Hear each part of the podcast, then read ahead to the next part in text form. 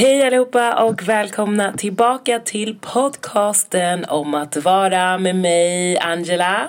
Och mig Ellie. Yes! Idag så tänkte vi, eller så här, förra veckan så pratade vi lite om hur det var när vi gick i skolan under tonåring, tonåringen, tonåren och eh, var det gymnasiet? Ja, precis. Ja, det var gymnasiet. Vi tog ju från typ, var det högstadiet och uppåt. Ja, en vecka och man har redan tappat minnet. Jajamän. Så idag så tänkte vi att vi skulle köra en liten förlängning på det här så att vad gjorde vi efter gymnasiet? Vad gör vi idag? Alltså lite så, vad vi, vad vi valde för vägar. Exakt. Ja. Och sen tänkte vi väva in då liksom så här jobbet, mångfalden. Hur ser det ut? Hur har, hur, hur har vi upplevt det? Mm.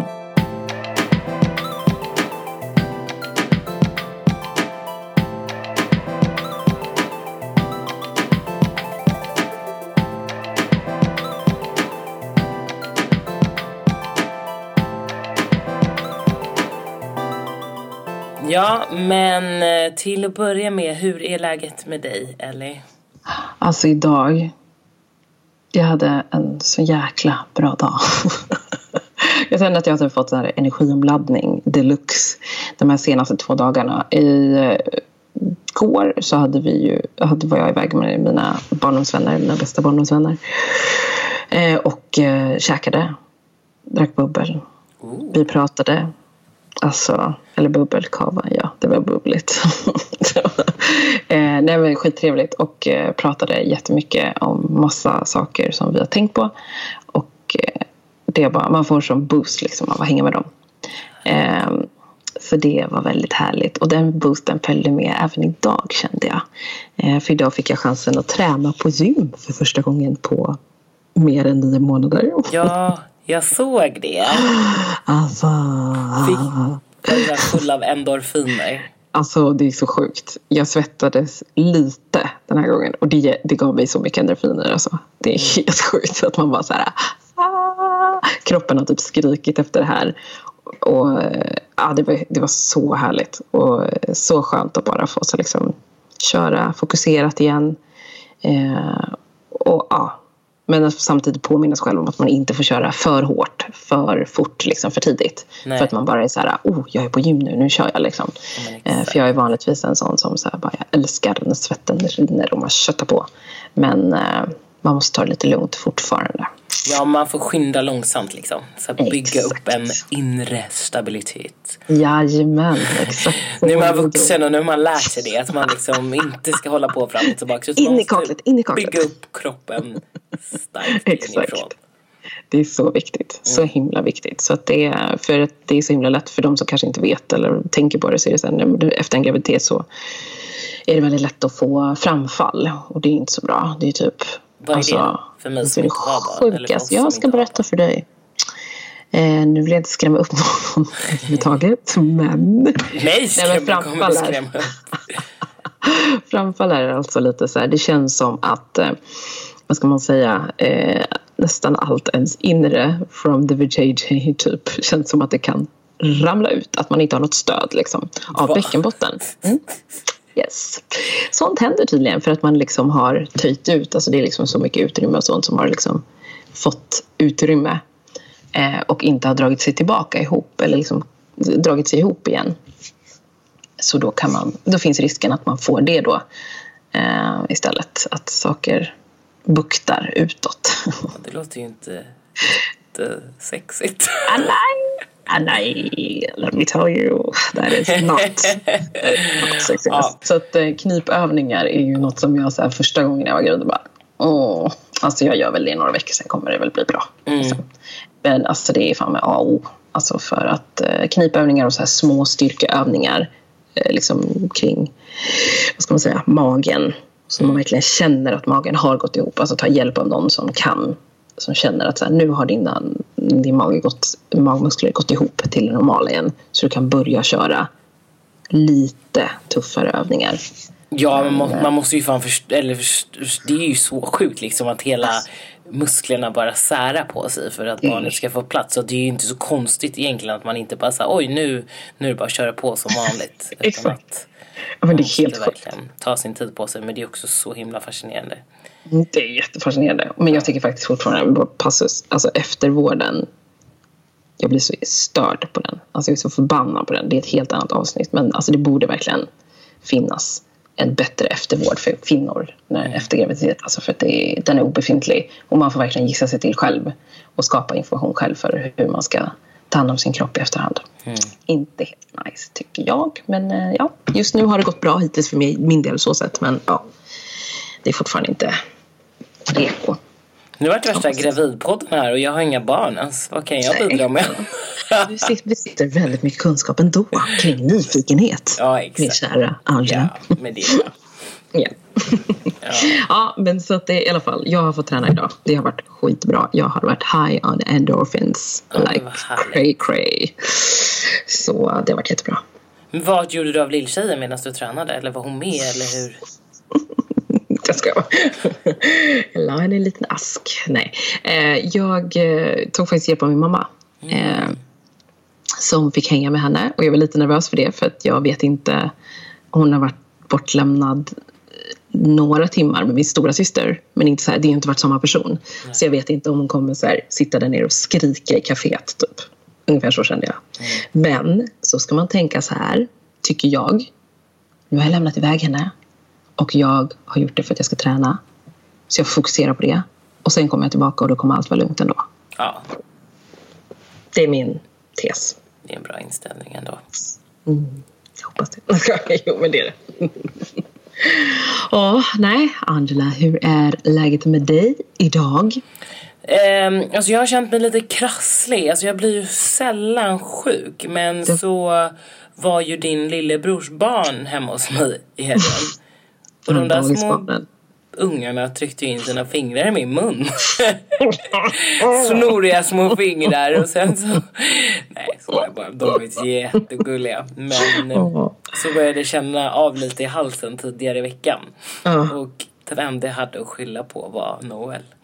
Alltså den där lilla gullgrisen som man bara så här, man vill inget hellre än att bara typ pussa och gulla på Ja honom. men exakt och det var ju precis det jag gjorde och han satt och matade mig med ostbågar och bara kollade så att jag hade stuff. ätit upp som en riktig liten feeder så att jag kunde, Alltså om den feeder han är gullet. jag kunde inte säga nej. Nej, nej. Det är, jag förstår dig. Men ja. Nej men så att jag, alltså, jag har ändå varit pigg, jag har kunnat jobba och sådär men jag har inte tränat. Jag, alltså, du, du fick träna åt mig istället. Ja, Så att jag har jag haft tog- två vilodagar nu från träningen. Så men det är också skönt ibland att bara kunna relaxa lite. Eh, men jag tror som sagt jag brukar aldrig bli så supersjuk utan det blir lite, så här, lite ringrostig. Men eh, jag tror att det, det kommer bli bättre till helgen. Det hoppas vi på. Jag Ja. tänker du har ett superbra immunförsvar och du har boostat det här med massa träning sen innan så att det ska nog kunna Ja. ebba ut fort. Ja, exakt. Och sen är jag glad också för att vi bokade precis en resa till Barcelona. Ah, skojar du med mig? Så härligt. Lucky you. Ja men faktiskt. Det är så... Alltså Barcelona är typ min favoritstad ever. Ja men det var Alltså. länge sedan jag... Nej, jag var där förra året. På jobb. Men eh, sen så var ju jag... Det var länge sedan jag och Max var där. Men ni har varit där tillsammans förut? Ja, vårt andra år ihop. Okej. Ja, precis. Då åkte vi dit. Men eh, nu ska vi tillbaka för vi har några kompisar som ska vara där i en månad och då så passar vi på att hälsa på dem. Smart. Mycket smart. Mycket trevligt. På som sagt. Mm, gud vad härligt. Åh, ni kommer så, så bra. Det är ju typ sommar där känner jag. Så här. Nu, när det är vår här, då är det ju typ sommar liksom. Ja men det är, det är liksom också sista helgen i maj så det är ju ett tag kvar. Men det är, eh, då vet man ju också så ja men det kommer vara nice väder. Ja, gud ja. Ja. Åh, härligt ni kommer. Ja. Helt rätt. Ska ni göra något speciellt? Nej, Mer än typ hälsa på? äta tapas, dricka sangria, kava.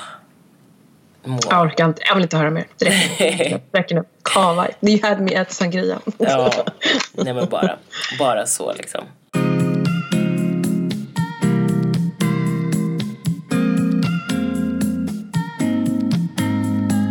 Så här, när du hade tagit studenten, vad gjorde du då? Alltså, Kände du så här, nu är jag free spirit? Alltså jag, gud jag längtade ju så. Det, gör vi väl, ja, det gjorde väl alla. Det tänker jag att alla gör. Att man tänker this, nu är skolan över. Jag kommer aldrig plugga någonsin. Fast jag hade ändå en plan. Så att jag, eh, jag pluggade i, jag hade sökt till ett naturbasår i Örebro. Direkt alltså efter studenten? Yes, direkt efter Och när, studenten. när gick du ut skolan? Jag gick ut skolan 2005. Så jag gick ut med 86orna. Eh, och eh, då var det så att jag, ja, men jag visste redan då liksom, jag hade kommit in på utbildningen så det jag skulle göra var liksom att få en bostad i stort sett, en studentbostad. Och de hade studentbostadsgaranti i Örebro. Eh, och jag och mina vänner, eh, även mina barndomsvänner då, eh, hade ställt oss i kö ganska långt innan. Så vi tänkte så här, vi kommer ju, det här är ju safe liksom. Vi har det löst. Boende, plugg. Så jag, ja. Alltså jag började ju plugga det här naturvårdsåret. eh, där. Körde på. Försökte liksom infinna mig i en ja, men ett, ett ny era liksom, där man ska lära känna nya människor, där man ska känna, så här, lära känna sig själv på nytt igen. Blir det. Att man ska liksom vara så här, man ska vara själv. Mm. för, det, för mig så var det verkligen som att så här, det var där jag typ flyttade hemifrån. Liksom. Ja men exakt. Ehm, och fick bara på egna ben lära känna eh, sig själv i sin ensamhet. Alltså jag inser ju typ där och då när jag väl får tillgång till en bo, alltså studentbostad där att jag har inte levt ensam alltså någonsin innan. Alltså det är så här, ja det här är vem är jag liksom? Mm. Eh, När du säger att du är helt ensam, du menar liksom ja, men utan din familj? Alltså du, Utan min, ja. Precis, utan min familj. Exakt. För att jag var, jag hade ju precis, jag hade vänner, jag hade två vänner med mig. Eh, och eh, under resans gång lärde känna väldigt mycket folk eh, i Örebro och sådär. Så att så sätt så var det inte, så var jag inte ensam. Men just att vara ensam utan sin familj var något helt annat. Eh, och att bemöta sin alltså självkänsla, kanske lite så eh, tyckte jag var extremt utmanande. Eh, och även där att landa i att så här, jag är den jag är. Jag är, eh, det är inte jätteöverrepresenterat med folk med invandrarbakgrund på skolan. Det var ändå hyfsad mix men fortfarande inte jättemånga dark skin people på stället. Eh, men men tyckte du att Örebro skilde sig från, alltså jag menar Stockholm det är ändå the capital. Mm, och sen så kommer man, Örebro är ju visserligen också en av stä, de större städerna, eller? Alltså, ja, ganska stort men inte Ja men en studentstad särskilt. Alltså, det är ju en studentstad liksom, ganska precis. Liksom stort Den är ju, så. Ja. Ehm, och jag tänker, märkte du någon skillnad där i att komma från en, liksom, en storstad till en lite mindre studentstad i? Alltså, jag tyckte ju typ att det var ju väldigt mycket alltså, trevligare men också så här det här kontrastet är ju typ så här, istället för att det blir att du kanske känner, känner några i Stockholm och du har koll på några från den skolan och några från den skolan. Så här var det så här typ att det kändes som att man har efter ett halvår liksom hade träffat alla som bodde i typ, eller som pluggade liksom. Man kände igen väldigt många för att det var en liten intim stad. Eh, allt var väldigt nära liksom. Eh, och så. Och det blev liksom så här, kompisars kompisar hade man träffat någon gång. Eh, och, det, och alla pluggade liksom. Eh, så att jag upplevde att det största kontrastet var väl att det var, man lärde känna folk mycket fortare där. Eh, tyckte jag. Ja. Eh, men eh, ja, man kan väl säga att det, typ, ja, men den största utmaningen för mig var liksom verkligen att så här, vara, vara, vara själv på egna ben. Kunna så här, stänga in sig i sitt eget rum och känna sig att man trivs med sin egen, alltså sin egen närhet. Nej, men liksom trivas med sig själv. Men jag tänker så här, lite tillbaks till tidigare avsnitt som vi pratat om. För då pratade vi lite om att du kände ett behov av att escape your family eller vad man ska säga. Men vad var det som kändes liksom svårt när du ändå fick chansen? Var det för att du inte bara kunde gå över ifall du ville eller hur? Om du förstår hur jag menar. Hur, jag tror att det som vart var ju att jag helt plötsligt eh, att jag helt plötsligt fick konfronteras med att så här, men nu, nu fick jag det jag ville men hur känns det här egentligen? Mm. Alltså, det är så konstig, konstig tanke kring det. Men det var verkligen så här, okej okay, men nu har jag det här. Nu har jag all tid i världen att bara så här, gå ut och göra vad jag vill och ingen att passa upp på. Jag, kan, eh, jag behöver inte se till att kolla, kolla ifall någon har det bra där hemma. Eller, alltså, de här pengarna jag får in är liksom till mig. Mm. Eh, ut, alltså, jag behöver inte tänka på att jag eventuellt måste spara en del för att tillhandahålla kost för liksom, resterande av familjen. Um, utan det är bara jag. Och det som är så sjukt att på något sätt, det är som att när du så här, du vill ha det du inte har. Ja. Uh, det, det är så knäppt liksom. För även om det var en väldigt liksom, destruktiv situation som jag var i innan så, och det här var frihet så var det ändå som att det var det enda man visste. Mm och helt plötsligt så skulle man lära sig att göra det andra. Att liksom så bara, men du behöver inte tänka på någon annan än dig själv. Och man är såhär, va? Nej. Nej men alltså. Det var främmande. Nej. Det var jättefrämmande. Och det tar ju tid liksom att och så här, öva in ett nytt beteende, eller man säga. Mm.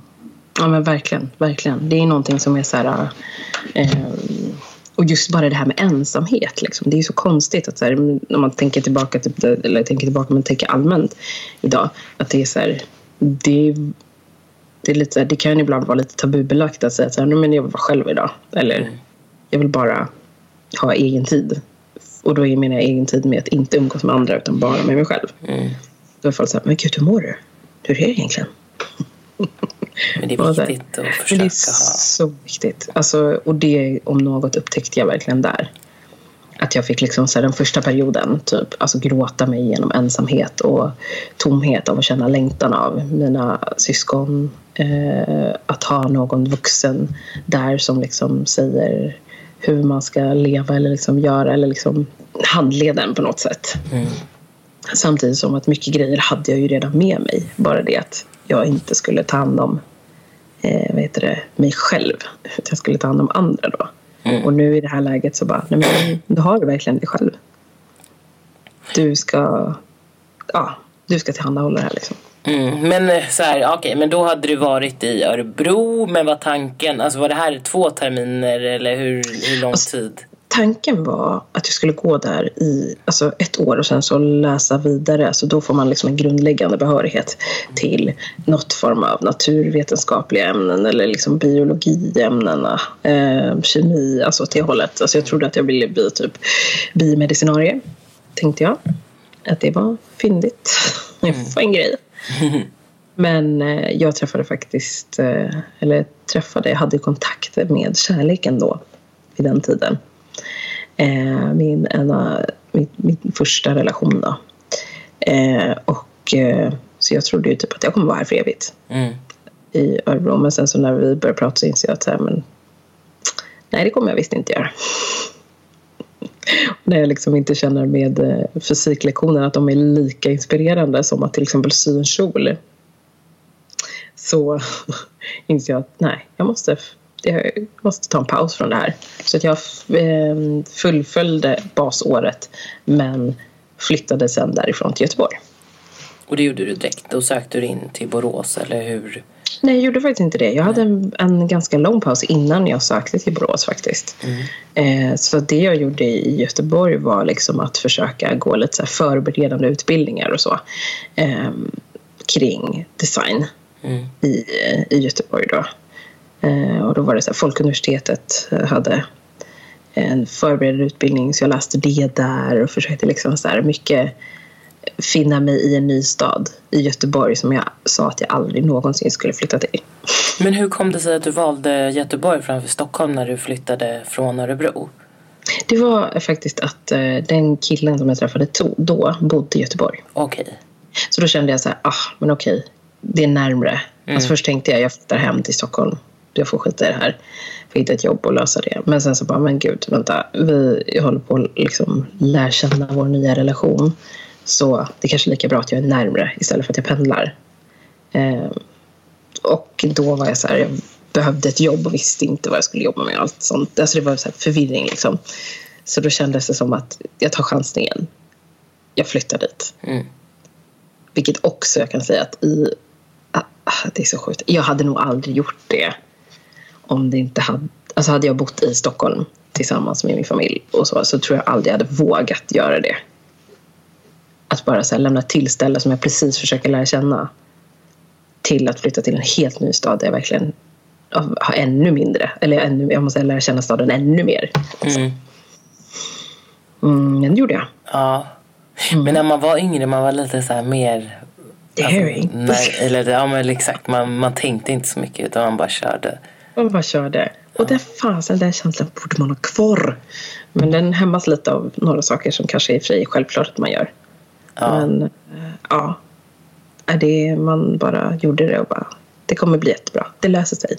Kommer jag ha ett jobb? Nej, det har jag inte.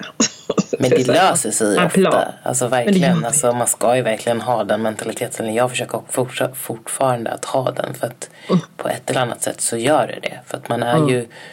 Man vet ju nu vem man själv är och liksom hur saker och ting ter sig. Så att man får bara våga is i magen. Mm. Ja, men verkligen. Men sen så måste man ju såklart vara realistisk på ett annat sätt än vad man kanske var då. Mm, ja men absolut. Jag tror att det är, det är väl kanske den grejen. Liksom, att det är nog bra att tänka, som du säger.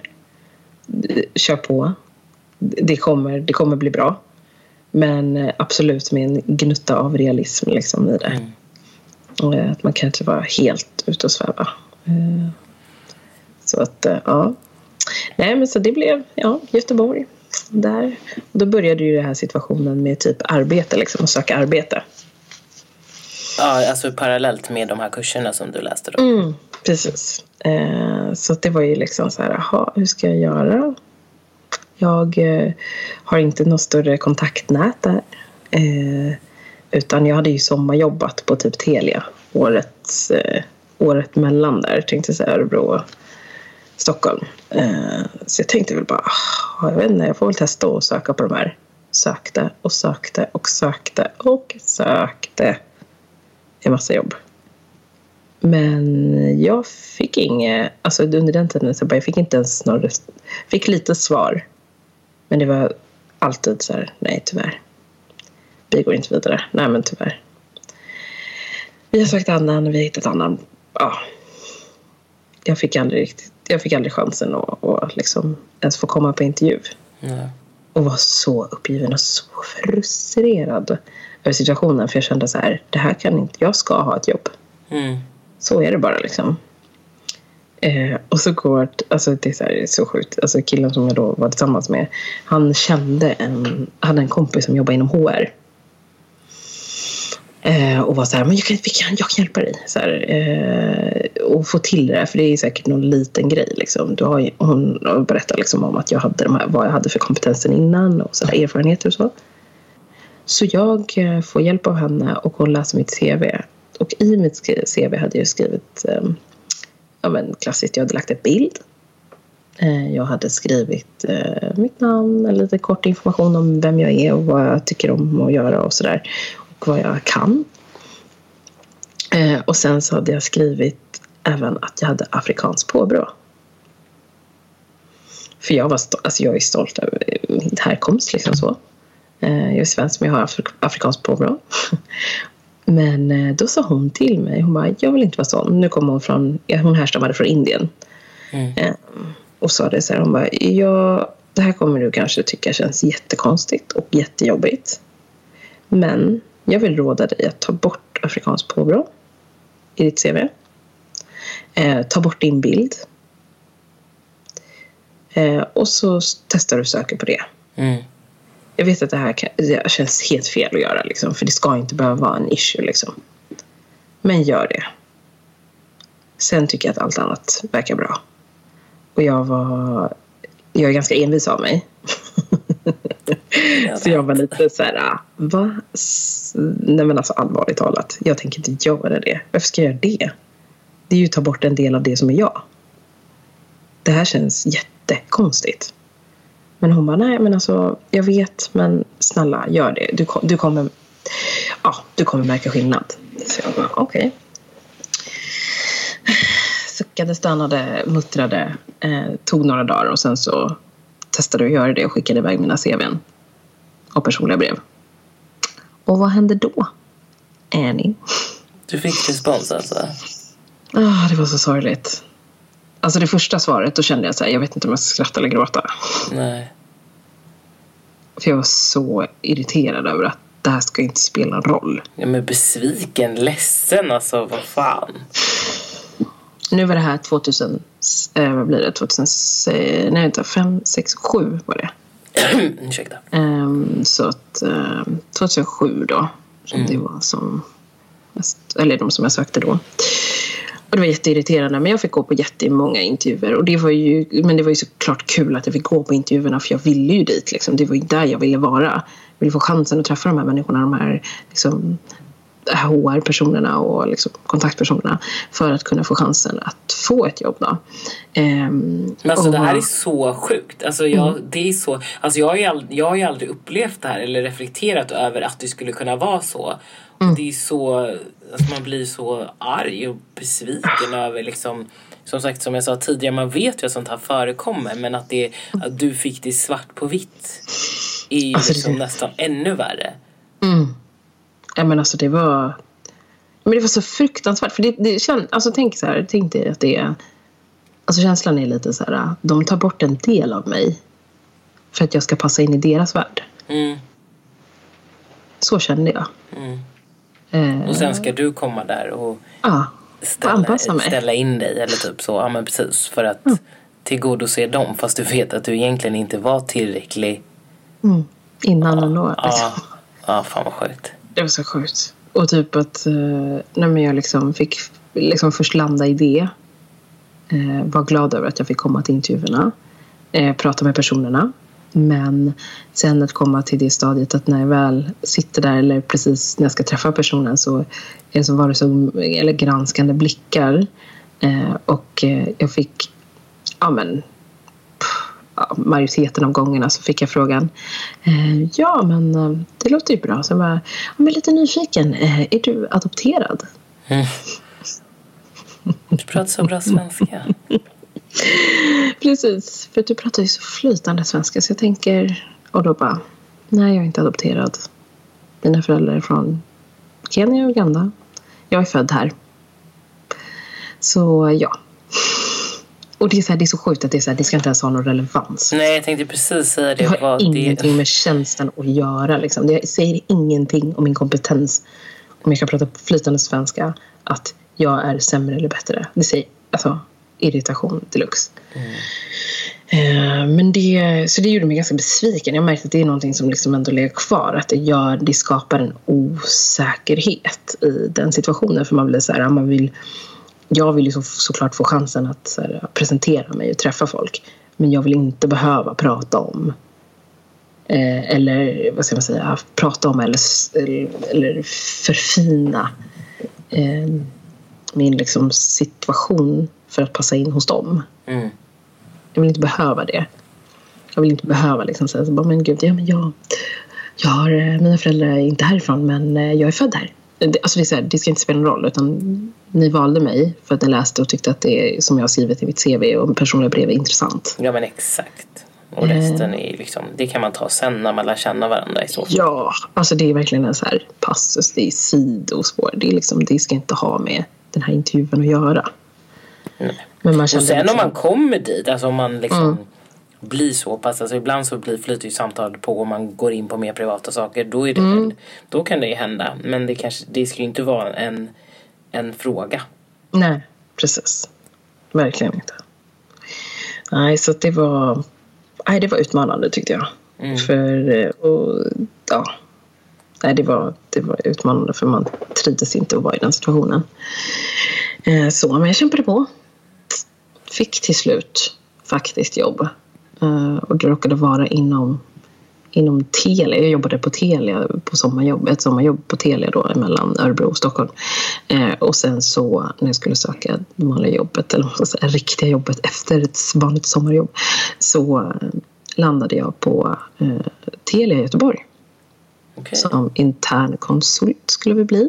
De hade liksom en, ett nytt koncept som de ville testa. Eh, och ja, där började liksom min, min längre arbetskarriär inom telefonibranschen. Telekom kallar man det, telekombranschen. eh, ja, det liksom rullade på livet där liksom med, med det hela och man kände att man började känna sig tryggare och tryggare i, inom, inom branschen. Liksom. Jag hade lite småjobb innan men eh, de var, eller småjobb, men jag konsultade innan. Mm. Eh, säga innan Telia, gud nu hoppade jag nog, ja precis, för Telia var mitt fasta jobb men jag konsultade, mitt första jobb som jag fick i Göteborg var som konsult.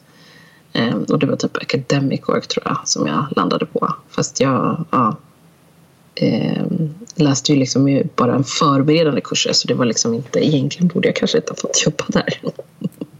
Men det gjorde jag. Det var ju tur. Det var ju... Så det var jäkligt tur och det gav mig en otrolig erfarenhet verkligen. Mm. Eh, och få jobba på liksom småjobb, att det var allt från receptionist liksom vissa veckor och där det var många som var så här, ja men nu tycker jag verkligen att du gör ett jättebra jobb. Kan men det här, var innan te- det här var innan Telia? Det här var innan Telia, okay, precis. Ja. precis. Eh, så att, eh, ja, men det, var, det var väldigt bra erfarenhet.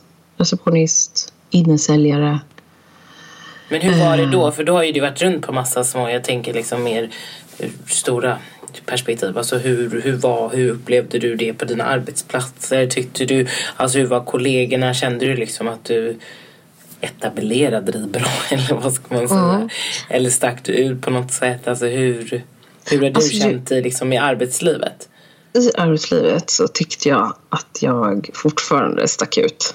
Alltså det var inte, alltså på majoriteten av de arbetsplatserna jag jobbat på, eller jobbade på där, då var det så här, men jag tror Telia var den där det fanns en till mörk kille på min avdelning. Och då är Telia ändå väldigt stort. Det är ganska stort. Eh, det fanns säkert några till på, liksom, på företaget, men jag såg dem väldigt sällan. Mm. Um, sen på typ så här med typ inställjobb då liksom, då var jag den enda svarta uh, tjejen där. Och det här oh, störande, och det vet jag inte om det har med, det har jag inte ens reflekterat över om det har med att jag är mörk att göra. Men det tror jag inte så, utan bara allmänt att jag är tjej. Uh, men där var, vart jag sexuellt tra uh, trakasserad. Mm. och det var ju, ja då vet man inte om det har med att göra med att man liksom stack ut. Liksom. Um, var det mer ett mansdominerat ställe eller hur? Uh, faktiskt så var det mm, inte så mansdominerat skulle jag nog inte säga. Alltså det var ändå kanske uh, 60-40 kanske då. Mm. Alltså 40% tjejer och så 60% killar. Eller män uh, på den arbetsplatsen. Eh, och det verkade ändå ganska alltså reko överlag. De andra var, verkade väldigt reko, liksom, förutom att det fanns några ut, Eller den här mannen då var ju liksom... Men var det flera som var utsatta mm. för... Det var det som var så lustigt att eh, vad, jag, vad, vi, vad de kunde grotta sig i så var det inte det. Nej. Eh, och det fick ju en till att tänka såklart. Och ifrågasätta ännu en gång bara hur ser man ut? Hur, eh, går man klädd på ett visst sätt? Är det det som gör det? Eller är det, är det ens attribut som gör det? Eller vad, vad är det som gör att det liksom... Att det förekommer? Att det förekommer. Mm. Eh, som tur var så hade jag jättebra chef som liksom var så här, nej du får sluta, alltså, om du vill så slutar vi kommer ha samtal med honom oavsett. Om du vill byta uppdrag får du göra det. Mm. Det är inga problem liksom. Um, så det var väldigt skönt. Men det är också fel att du ska behöva flytta på dig om du slår sig Egentligen är det så. Att det, ja, det, är, det är alltid så att det är den som blir mobbad som får flytta på sig och inte mobbaren. Japp. Ja. ja. Det är så knasigt det där. Det, det kommer jag aldrig förstå men det, det, jag håller med dig. Det är jätteofta det är så. Mm. Jätteofta. Mm, ja. Usch, ja, jag märker det också ett annat avsnitt. Känns det som. Djupgående det här med sexuella trakasserier. Det finns en hel del ja. knas om sånt. Um, Men om vi speedar på lite då. Alltså var ja. jobbade du eh, och sen så Precis. skulle du plugga igen. Alltså hur lång tid hade du? Alltså då hade det ändå hunnit gå typ, eh, vad blir det? Eh, nio, kan det ha varit tre år tror jag. Som du jobbade på Telia? Liksom både så jag jobbade på Telia. Telia ja. Precis, mm. så det var typ så tre år sammanlagt som... Ja, jag tror det måste varit som jag innan jag började på då mitt alltså long time work eh, Eltel som också är ett telekombolag eh, och där var det typ då började mina liksom så här, förberedande studier och sen så kom vi än en gång till den högre utbildningen som var K-utbildningen.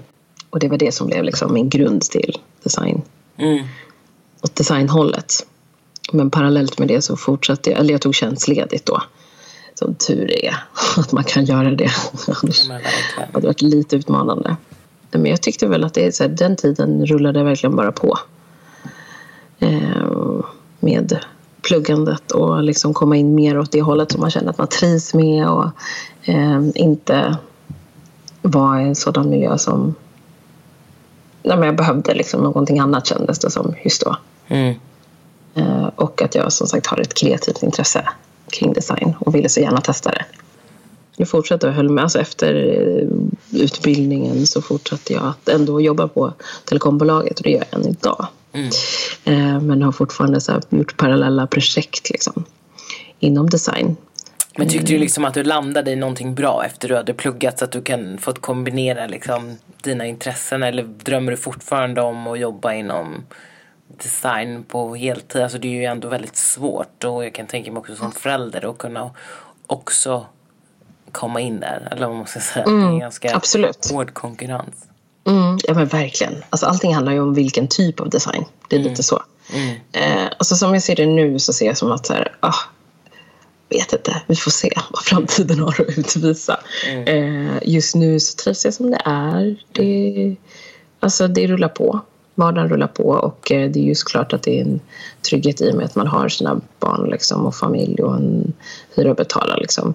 Att, ehm, för att starta eget vore liksom, jag klart längre, längre fram i livet skulle jag vilja ha gjort det. Mm. Eh, och jag utgår från att jag fortfarande är ganska ung. Ja, det är liksom aldrig för sent. Och så, Nej men det är verkligen, alltså det är, jag älskar alltså nu, det. Man har ju olika faser i livet och just nu så är du liksom i familjefasen säger jag. Mm. Ja, Nej, ja, men, helt rätt. Ähm, så att jag menar det finns alltid tid och rum för att utveckla det man mm. brinner för extra mycket. Verkligen, verkligen. Nej, men så att jag, tror, eh, jag tror det där kommer ju infinna sig liksom när, alltså att ta tag i det. Man har sett folk som har varit liksom i 50-årsåldern som har liksom bytt karriär och bestämt sig för att starta eget eller liksom, alltså gjort något helt annorlunda från vad de alltid har gjort. Så att jag ser det som att eh, det är bara att man känner man att the time is now så gör man det liksom. Så att eh, ja, det var lite resan som den varit kanske. Alltså arbetsmässigt. Jag jobbar ju nu på en arbetsplats där det är liksom... Ja, det är nog inte så stor mångfald där heller tyvärr. Hur många är ni? Eh, vi, alltså gud, nu ska vi se. Jag tänker så här på vår, i min grupp så är vi nog är vi lite drygt hundra kanske. Mm vara det. Ett på tio. Sen är det uppdelat i liksom interna team också. Ja men vi kör. Men jag tänker mm. bara så här runda slängar och sen så man bara mm. okej. Okay. Och jag har jag inser det typ sen när man bara tänker på typ vilka jag har sett på bygget. Alltså vi fem, sex kanske, möjligtvis sex personer mm. som är um, som är härkomst afrikaner på något sätt. Eh. Men vet du om det är liksom en, en fråga som ni har eller bolaget har, liksom, så diversity som de tänker på det eller jobbar mm. för? Eller? Ja, nej men alltså det som är att jag har, eh, jag har förstått det så ska det finnas en sån, ett sånt tänk. Mm. Det ska finnas mångfald. Men jag har alltid varit lite frågande till hur, vilken typ av mångfald egentligen man refererar till. För att det blir också så väldigt skevt om man tänker Alltså egentligen så borde jag bara vara alltså svensk, räknas kategoriseras som svensk. Men jag tror att man kanske inte riktigt... Alltså i statistiken så pratar de nog av folk som inte är svenskar. Tror jag att de är ute efter. Alltså menar du på papper eller utåt sett? Mm. Alltså, Ja, men jag, jag tror att det är för på papper är ju du svensk medborgare, Ja. så då är man ju svensk. Mm, Men jag tänker om de tänker utifrån kulör. Ja, gud, ja, kulör. Ja, det vore intressant. Det vet jag inte om de... Ja, det, det inte det, göra. Det det, det känns ju... Det borde ju inte vara så. Alltså, det Nej, det borde verkligen inte vara så. Det hade varit helt absurt om det hade varit så. Men um, inget som jag kan säga, känna är så tydligt att det är så. Nej. Eh, att de kämpar för att det ska finnas... Alltså det, det, det bör finnas mångfald enligt liksom stadgarna men jag tror inte att det är någonting vi jobbar för stenhårt. Om man säger så. Eh, vilket jag kan tycka är lite synd. Eh, så jag hade önskat att det vore mer. För att jag tror att det alltid blir en bra arbetsplats att man har en blandning av både kön, etnicitet och ja. Ja, men så är det absolut. Och speciellt om man, som, så här, beroende på vilken bransch man jobbar i också, men olika så här, perspektiv och se. Alltså, det är alltid viktigt att kunna... Alla kommer ju med olika ingångar och inputs. Ehm, Så då är det, jag tycker bara det var väldigt intressant när vi hade, eh, jag är i mediebranschen, men en kommunikationstävling som heter 48 timmar. Eh, Den finns inte längre kvar, men då så är man en copy, en strateg och en AD. Så man lottas ut, så alla reklamskolor typ i hela Stockholm, eller i hela Sverige faktiskt, så får man anmäla sig. Och så ehm, får man ett case, alltså ett uppdrag. Det är en ideell organisation och så ska man ta fram liksom en kampanj eller man får liksom en brief och sen ska man jobba utifrån den här briefen och man har 48 timmar på sig tills man ska presentera det för den här organisationen. Då. Eh, och, det var, och sen är det en vernissage efteråt så får man se allas bidrag. Och det sjuka var hur många som var lika. Det, alltså, Ja. Riktigt? Nej, alltså låt säga att det kanske var 70 bidrag och kanske 10 var likadana. va? Ja, ja. Och då känner man så här, fy vad vi är tråkiga. Alltså men lite så här, alla är stöpta i samma form fast Ja, man kan ja. tycka att man är jätteunik. Och så här, du vet, folk var ju så här tappa hakan när man bara, men vad, vi trodde vi hade kommit på världens mest kreativa, klockrena koncept. Så har man inte gjort Gud, vad det. lustigt. Ja.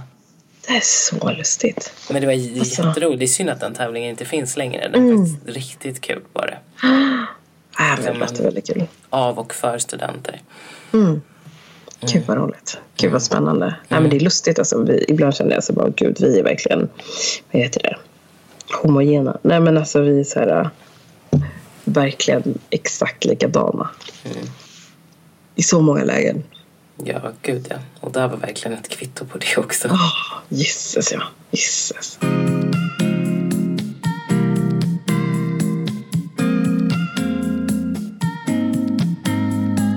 Ja, men hur upplevde du, eller upplevde, men hur var din period sen efter gymnasiet? Vad gjorde du efter gymnasiet? Ehm, jag eh, tog studenten 2008 eh, och jag hade inte jag hade inte sån plan efter studenten direkt utan jag och min tjejkompis vi åkte ut och reste lite. Vi åkte till London, vi åkte till Spanien. Vi var så kära i två killar så vi åkte efter dem till Spanien. så. Ja, så tänkte vi, hade ju inga jobb så vi bara, åh vi ska jobba där. Ehm, de kallade oss lyxturisterna för att vi jobbade i typ en dag med att så sälja biljetter. Men vi kände inte att det var riktigt vår grej. Så vi stannade ju kvar där i typ tre månader. Gud vad det var skönt. Ja. Sen kom vi hem i september. Och då skulle man ju säga, men gud nu har vi tagit studenten, måste ta tag i våra liv och börja jobba. Mm. Ehm, så då började, undrar vart jag jobbade då? Jag kommer inte ihåg vart jag jobbade. Men jag jobbade någonstans i alla fall. Ehm, och sen våren efter det så började jag jobba i min gamla grundskola. Ehm, som barnskötare först. Och sen så vart jag resurs till en kille som hade lite svårigheter. Och där var jag fram till 2010, så jag var där kanske ett och ett halvt år. Okej. Innan jag, och, under det här året, alltså när jag jobbade där så bestämde jag mig för att jag ville flytta till London.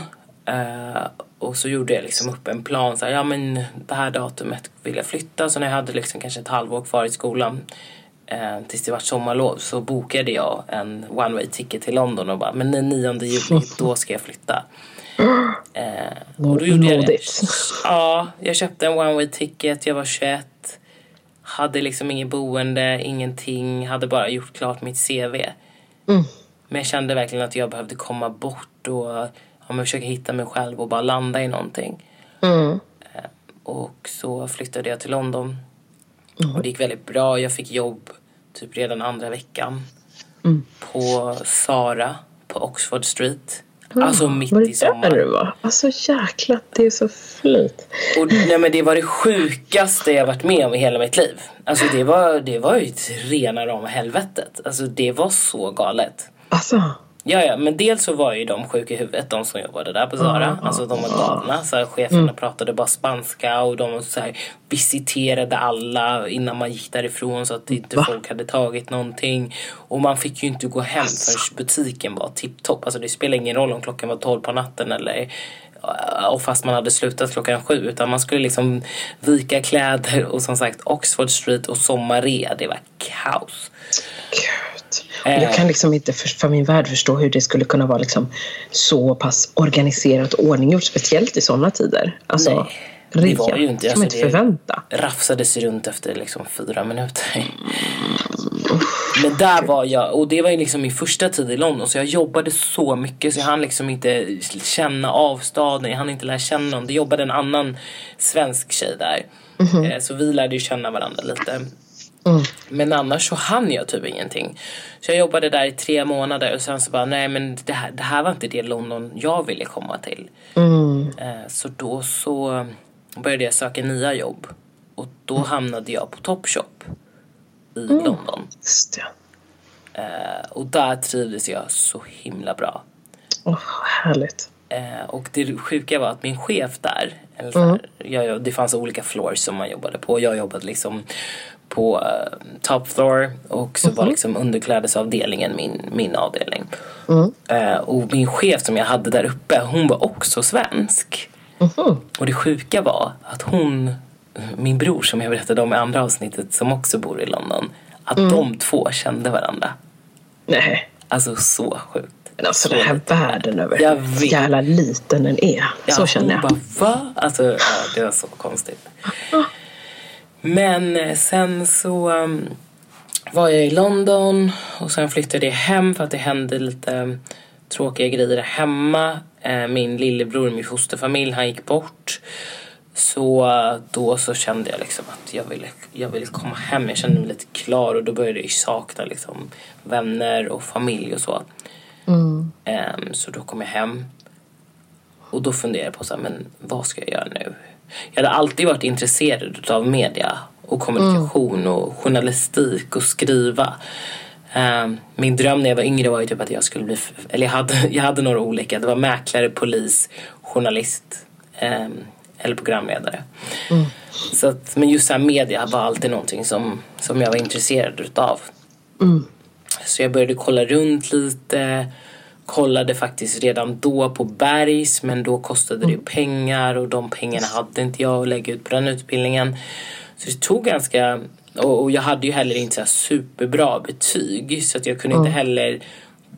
Jag sökte typ till Lunds universitet, någon så här strategisk kommunikation men jag kom inte in på den utbildningen för att mina betyg räckte inte till. Och då började jag fundera på liksom, men vad är det, vad, vad finns det för andra alternativ som, som jag kan ta? Det. Och då så hittade jag den här uh, yrkesutbildningen där jag har pluggat på Medieinstitutet i Stockholm. Och jag sökte första året då, 2012. Eh, Alltså ett år efter jag kom hem från London. Och året efter jag kom hem från London, jag kom hem 2011. Och då jobbade jag bara, jag jobbade på um, Teleperformance. Um, som var så här kundservice, vi satt på uppdrag med boxer. Um, som också är, är en klass, ett företag för sig. Nej men jag skojar. Nej men det var, det var, det var väldigt speciellt där också. Men det var en rolig tid i mitt liv. Um, men då sökte jag den här utbildningen men så kom jag inte in första året. Jag var typ andra eller tredje reserv och jag var så fan det är verkligen det här jag vill göra. Mm. Ehm, Men då hade jag liksom ett år till som jag bara fick jobba och spara lite pengar och så. Eh, men sen så sökte jag året därpå, 2013. Och då så kom jag in. Mm. Och det var så kul. Jag var, jätte, ja, ja, men jag var jätteglad. Jag var så här, äntligen ska jag få göra någonting som jag, jag tycker är roligt. Mm. Eh, och det var en utbildning som var digital kommunikation och sociala medier. Just ja. Det känns som att det var verkligen i, så här, i, i startgropen. Liksom. Ja, men det var verkligen... När allting började blow up. Att så här, sociala medier är någonting som man måste vara inom. typ. Ja men precis så var det. Det var ju då liksom verkligen företag, inte alla företag, men många verkligen som du säger började förstå vikten av att man måste, man måste finnas på social. Mm. Så det var en väldigt praktisk utbildning och det passar mig för att jag är inte så liksom akademiskt lagd men så man läser eh, det är 26 veckors praktik så att det är, så utbildningen är två år totalt. Mm. Men av de två åren så pluggar man, ja men så är det 26 veckor som man får praktisera. Eh, så då valde jag ju också sen en av mina praktikperioder att åka tillbaks till London och mm. vara där. Så hösten 2014 så var jag där på en PR-byrå också. Uh, för att jag som sagt jag älskar ju London så mycket. varje chans jag har försökte jag liksom åka tillbaka. Så jag såg det också som en väldigt bra erfarenhet att få ha varit uh, i arbetslivet där också. Mm. Mm, på liksom ett annat sätt. Innan jobbade jag liksom inom retail men nu fick jag liksom vara på en PR-byrå och se hur det fungerar. Och det var också lärorikt för att det skiljer sig väldigt mycket från hur det är i Sverige. Mm, I Sverige är det väldigt mycket, mm, man får vara med i skarpa projekt, alltså man får ta väldigt mycket ansvar.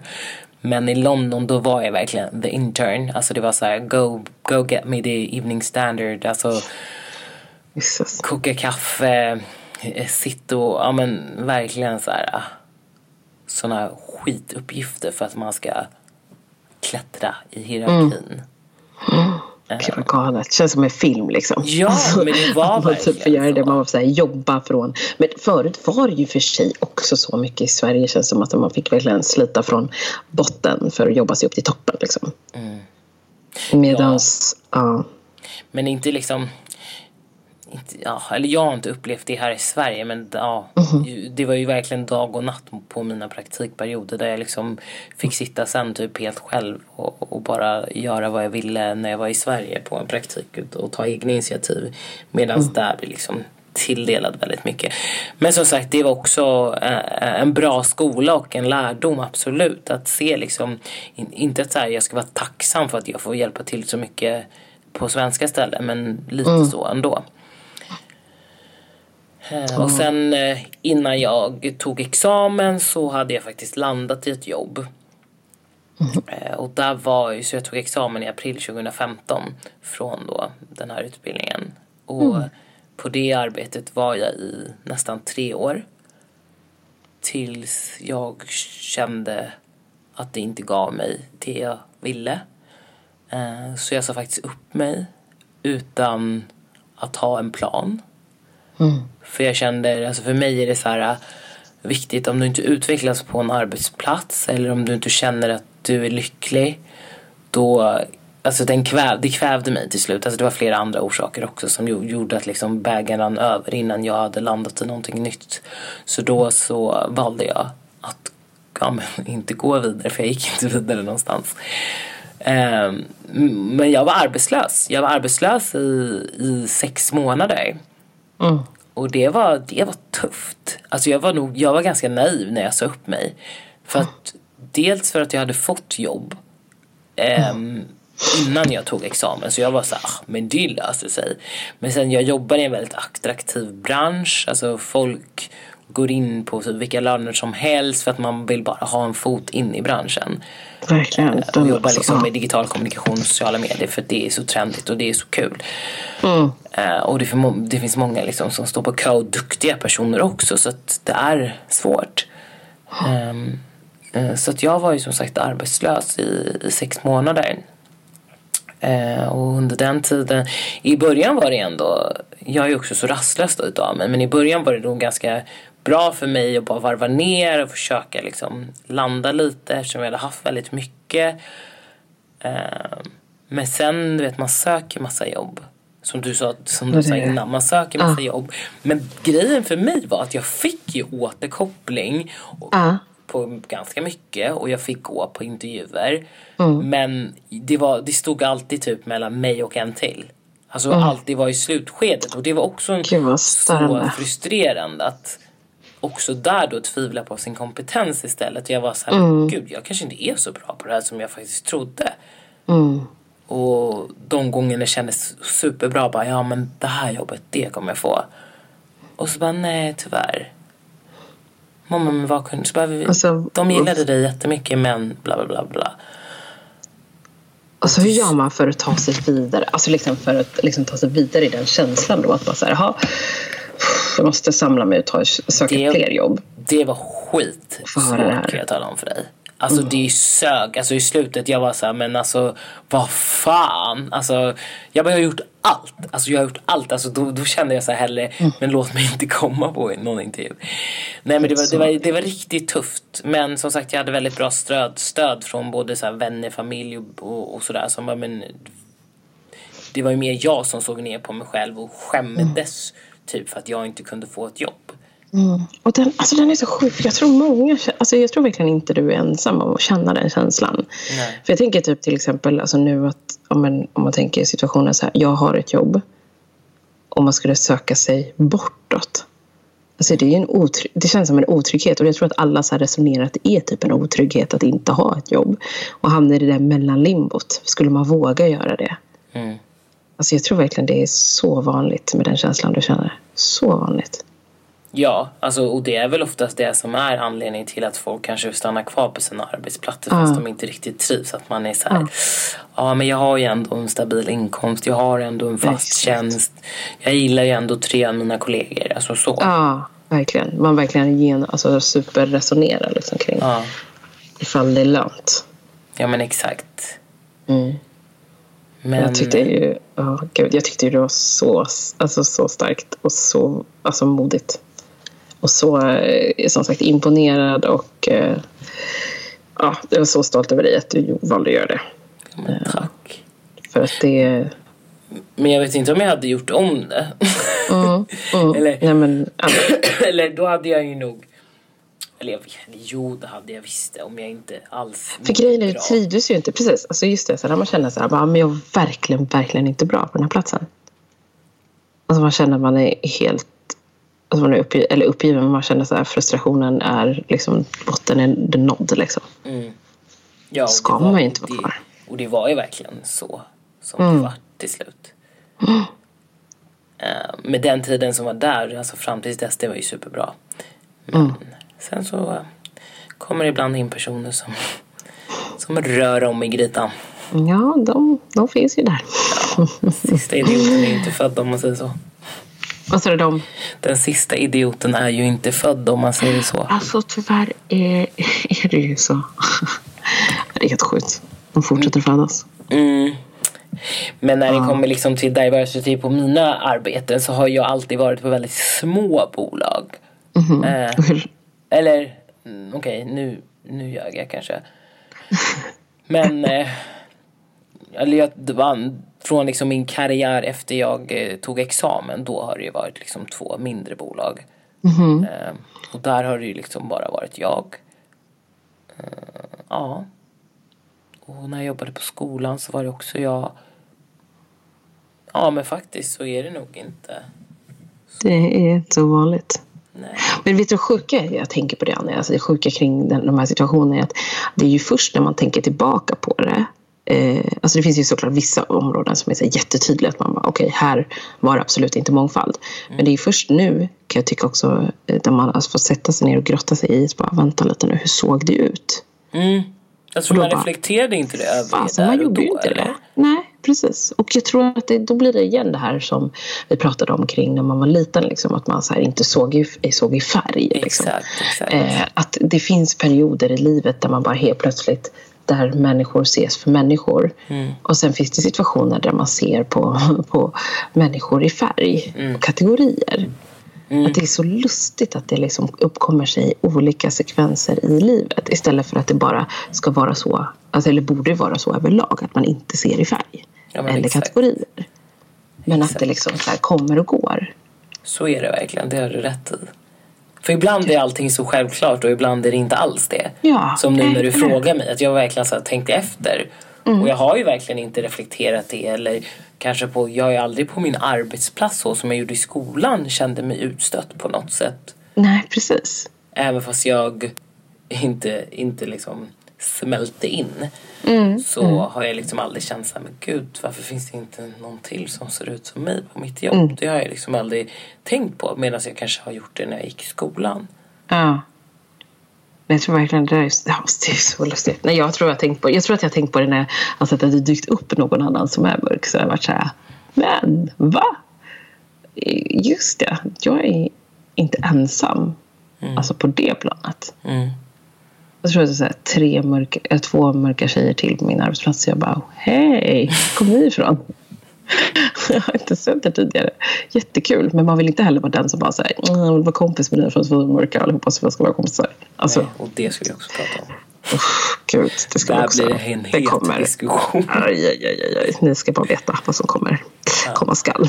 Nej, men, eh, nej, men lite sådana saker liksom, kan man dyker upp i känslan. Liksom. För jag, i många lägen så ser jag inte mig själv heller som att så jag bara, oj gud, jag är den mörka tjejen, den andra mörka tjejen i min, i mitt team. Liksom. Men jag hade tyckt att det var så roligt om typ en produktion bara tog castade svarta och så var det typ en vit. Alltså, ja, det hade varit... Alltså det gud, så det hade roligt. varit Alltså typ såhär, ja men. Robinson till exempel. Bara Ah. kasta svarta och sen så får det en vit. Det hade varit så intressant. Ja, hur och bara- hade dynamiken varit då? Ja, och och hur sen hade folk sett respons- på det? Ja, Respons. exakt. exakt. Ja, exakt. Alltså det var så intressant. Det hade varit så spännande att se. Gud, hallå, eten. Någon gör det. Det, alltså, det är väl dags. Men eh, nu landade vi ju på, nu ska vi se, vad var det? Det var efter utbildningen. Mm, nej men det var ju liksom, ja men efter, och jag pluggade ju, jag pluggade och sen började jag jobba. Mm. Och efter, direkt efter, nej men jag tror jag berättade allt. Och så sa Men jag upp gud, mig. jag som jag sa upp dig. Precis, sa upp dig. Och nu, Och nu jobbar jag också. Alltså jag jobbar ju med det liksom, som jag, jag ville. mm, Eh, alltså redan min plan från början sedan tio år tillbaks liksom att jobba med digital kommunikation och sociala medier. Mm, Eftersom jag alltid gillat att hänga online men sen så har ju inte jag haft en klar ehm, vad säger man, en tydlig vision om vad exakt det är jag vill göra. Det har jag väl egentligen fortfarande inte utan jag gillar bara att, att ha kunskap inom nya medier och digital marknadsföring och försöka suga åt mig så mycket som möjligt utav allt det där. Ehm, för att min, på lång sikt eller på kort sikt, vi får väl se när det blir, så vill jag ju absolut alltså vara min egen och konsulta inom mm. eh, digital marknadsföring. Men det får vänta ett tag fortfarande.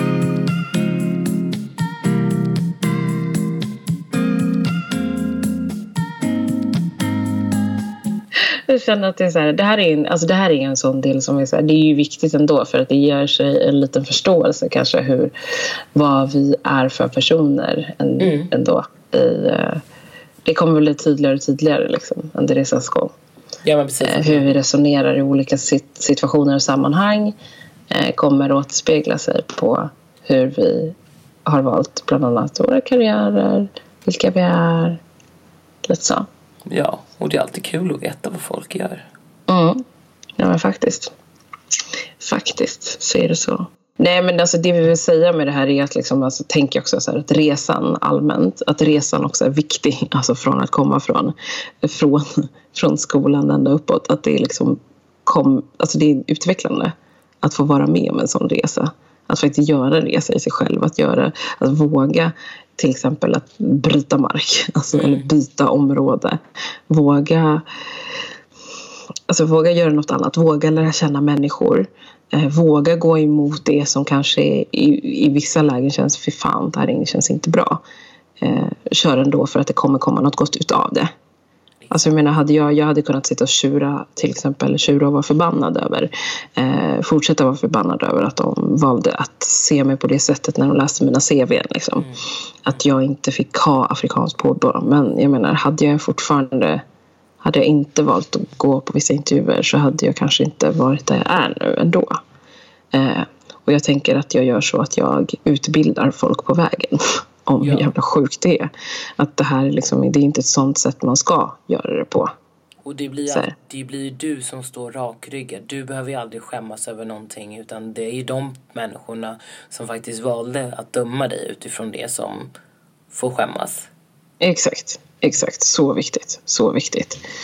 Och att jag tänker typ till exempel i ditt fall med din, dina resor och eh, de arbetsplatserna du varit på. Att så här, ta med sig det. Att fasen, det är viktigt att våga. Ja, ja men exakt som du säger, bryta mark. Och du flyttade till Örebro, jag flyttade till London. Så man har en känsla av att komma bort men inte riktigt vågar att, att jump för mm. det kommer vara det bästa beslutet du tar. Jag hade också nätter i London där jag grät mig till sömns för att jag var så här, jag har inga vänner, jag vet liksom inte vad det är för att man måste ta så mycket egna initiativ. Mm. Men det löser sig och alltså de personerna som jag träffade i London för tio år sedan, det är mina bästa vänner idag. Alltså att vi, mm. vi vart familj och där växer sådana starka band på ett annat sätt när du liksom flyttar bort från din familj för du skapar liksom en egen familj. Skapar en egen familj. Vi firade jul tillsammans, alltså vi, när inte vi kunde åka hem. Vi firade midsommar, andra högtider. När mm. vi var ifrån våra familjer. Och det är liksom minnen som jag alltid kommer bära med mig. Mm. Det är fint sagt. Ja, men det är så fint när man kan välja sin egen familj. Alltså familj måste inte alltid vara blod. Verkligen inte. Ja. Men du, nu är det dags ja, för de här två tröttmössorna att gå och göra något lite vettigare. Ja, typ sömn kanske. ja, exakt. Vad ska jag göra elva på kvällen som är vettigare än att sova? Alltså gud. Ja, nej men eh, absolut. Men tack för det här avsnittet. Ja, men verkligen. Jag Super. hoppas att ni gillar såklart. Alltså, vi är så glada för alltså, allt. Alltså, jag kan aldrig sluta ja. vara alltså. tacksam nog. Alltså, det är så kul. Alltså, jag tror så mycket på vår podcast och jag mm. tror så mycket på er. Uh, jag blir glad, alltså killar har sagt till mig att de lyssnar på podden och det tycker jag också är så jätteroligt. Kul. Alltså, vi vill ju ha så mycket bredd som möjligt i folk som lyssnar på den här podden. Och, uh. Alltså, vi är så alltså, tacksamma och glada av responsen som vi får i kommentarer, utvecklande reaktioner kring vår podd. Hur folk känner när de lyssnar på vår podd, att det är igenkänningsfaktor. Det är, värmer något så otroligt att höra det. Mm. Att eh, det är det vi har lyckats sprida. Ja, alltså här hänger man för att liksom känna samhörighet. Det här är liksom mm.